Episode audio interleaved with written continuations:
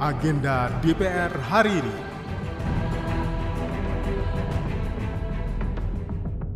kita tanyakan pada mereka nih gimana ceritanya gitu ya karena kan proses P3K ini nampaknya berlarut-larut udah selesai satu tahap tahap berikutnya tahap berikutnya yang belum terselesaikan gitu Kembali Anda ikuti agenda DPR hari ini. Anggota Komisi 10 DPR RI, Ledia Hanifa Amaliah, dalam masa reses ketiga tahun sidang 2022-2023 kali ini melakukan kunjungan kerja ke daerah pemilihannya di Jawa Barat 1.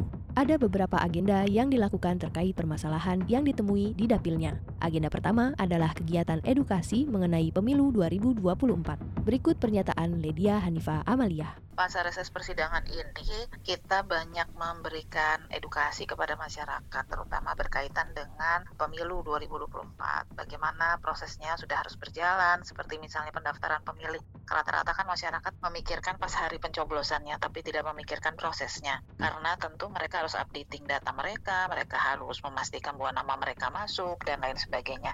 Nah itu jadi bagian yang juga kita sampaikan Setelah mendengar aspirasi dari masyarakat, terutama para guru, agenda kedua yang dilakukan anggota fraksi PKS ini adalah melaksanakan fungsi pengawasan dalam pelaksanaan penyelenggaraan pendidikan, terutama terkait permasalahan P3K yang sampai saat ini tak kunjung usai. Yang berikutnya adalah tentang pengawasan kita terhadap pelaksanaan penyelenggaraan pendidikan ya karena mitranya Komisi 10 kan pendidikan sehingga ada beberapa masukan-masukan misalnya dari masyarakat terutama dari guru terkait dengan P3K yang prosesnya ternyata kita pikir cepat selesai ternyata nggak cepat selesai. Diperkirakan dia dapat formasi ternyata kemudian karena ada sanggahan akhirnya ada sekitar 3.000 guru yang terpaksa dibatalkan penempatannya. Kita juga akhirnya kemudian harus mengecek ya sanggahan itu terverifikasi atau enggak kalau sanggahannya tidak terverifikasi jadi tidak adil kan buat guru P3K ini Agenda terakhir yang dilakukan Ledia Hanifa Amaliah di Dapil adalah pendampingan program-program yang ada di masyarakat. Terus juga kegiatan lainnya ya memang bersama-sama dengan masyarakat ya dengan berbagai kegiatan. Selain edukasi terus kemudian juga berkaitan dengan eh, program-program yang ada di masyarakat pendampingan-pendampingan gitu itu jadi bagian pelatihan-pelatihan keterampilan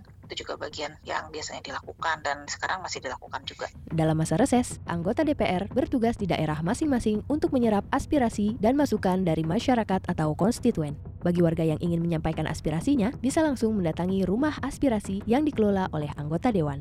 Demikian agenda DPR RI hari ini. Simak dan ikuti terus kegiatan DPR RI dan dengarkan siaran langsungnya melalui website tvr.dpr.go.id/radio. Saya Tiara Mustika, sampai jumpa.